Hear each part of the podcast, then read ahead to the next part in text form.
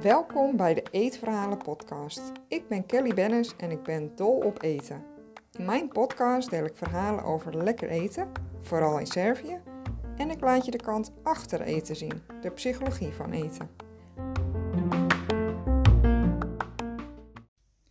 Gezond eten, wat is dat nou eigenlijk?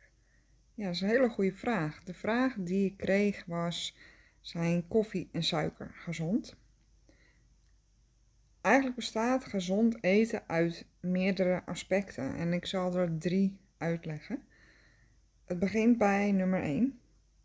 Voedingsstoffen. Hè? Dat is uh, waar de meeste mensen het altijd over hebben als ze het over gezond eten hebben. Huh? Zit er uh, genoeg voedingsstoffen in? Dus levert het je lichaam uh, iets gezonds? Heeft je lichaam er wat aan of eigenlijk minder omdat er ja, eigenlijk weinig voedingsstoffen in zitten? Dan hebben we nummer 2. Dat is meer, hè, is het voor jou als persoon is het gezond. En dat kan zijn, bijvoorbeeld heb je een allergie of heb jij um, een bepaalde aandoening of ziekte, waardoor je niet goed reageert op een voedingsmiddel. Hè? Dan kan voor de ene persoon een voedingsmiddel heel gezond zijn, ik zeg maar wat een tomaat, en de andere persoon die uh, ja, krijgt een heftige allergie daarop. En in het geval van suiker bijvoorbeeld, hè, als jij diabetes hebt, dus suikerziekte, dan ga je op een heel andere manier met suiker om. Kan jouw lichaam dat niet goed reguleren. Dus zal jij anders uh, met suiker omgaan dan iemand die geen diabetes heeft. Hè, dus daar is het uh, ook weer van afhankelijk. Wie ben jij als persoon? Hoe, heb jij een bepaalde ziekte of een allergie? Dan kan er dus ook een verschil zijn in of een voedingsmiddel gezond is voor jou of niet. En dan hebben we nummer drie. Dat is, ga je gezond om met eten? En dat is voor mij eigenlijk uh, de belangrijkste als je het mij vraagt. Want als je gezond omgaat met eten, dan hebben we het eigenlijk over eetgedrag. Dat betekent dus ook de manier waarop je met eten omgaat. Als dat in orde is, dan gaat het eigenlijk uh, wel vanzelf. Want je lichaam kan eigenlijk vanaf de geboorte aan, de geboorte af aan, kan je lichaam heel goed aangeven wat jij nodig hebt. Maar eigenlijk verliezen we dat een beetje in de loop van ons leven. En hè, dat is eigenlijk dat je naar je intuïtie luistert. Je lichaam weet heel goed wat jij nodig hebt. Maar omdat we dat vergeten daarnaar te luisteren, we worden heel erg afgeleid door onze omgeving, door wat mensen zeggen. Um, en dat niet alleen. Hè. Je hebt natuurlijk, er zijn zoveel invloeden op wat jij eet. Hè. Hoe zit je in je vel? Uh, heb je bepaalde problemen? Heb je uh, trauma? Heb je iets moeilijks meegemaakt? Dat kan allemaal van invloed zijn op hoe jij eet.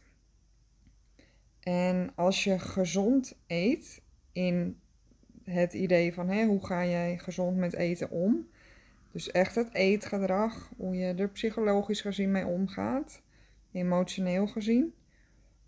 Dan is gezond eten op dat vlak is dat je geen restricties hebt. Dus dat betekent dat jij jezelf toestaat dat je alles mag eten en dat daar geen uitzonderingen in zijn. En dat jij ook let op van hè, wat vind ik lekker uh, hoe geniet ik van eten? Dat is uh, ja, ook gezond eten. En eigenlijk de belangrijkste wat mij betreft. Uh, en dat is heel interessant ook. Um, omdat dat bij iedere persoon weer anders is. En je daar ook heel veel winst in kan behalen.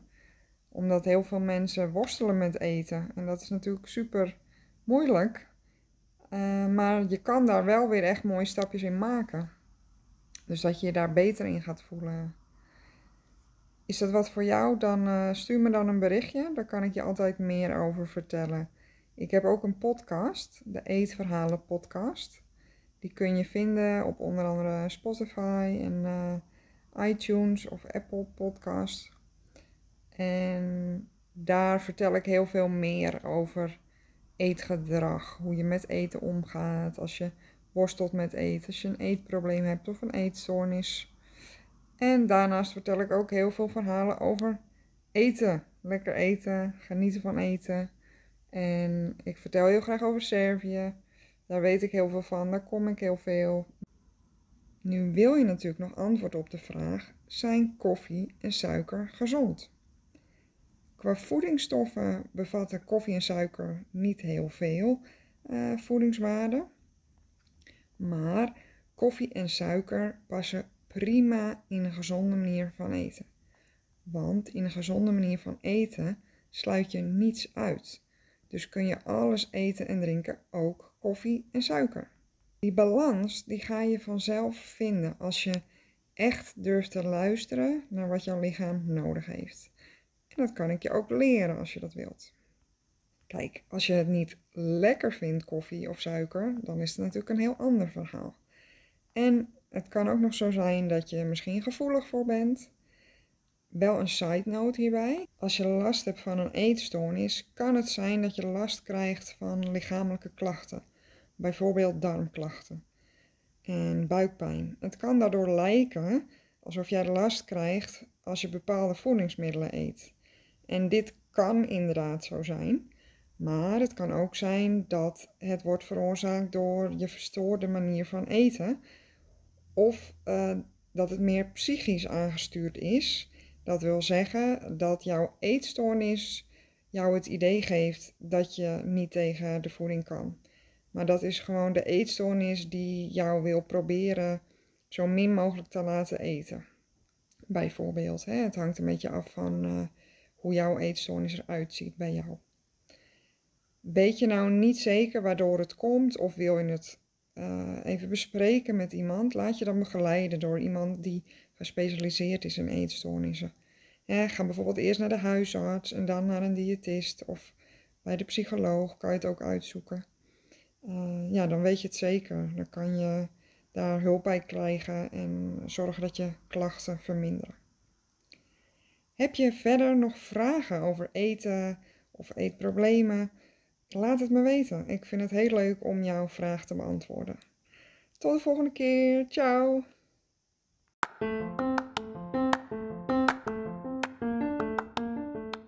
Vond je het leuk om hier naar te luisteren?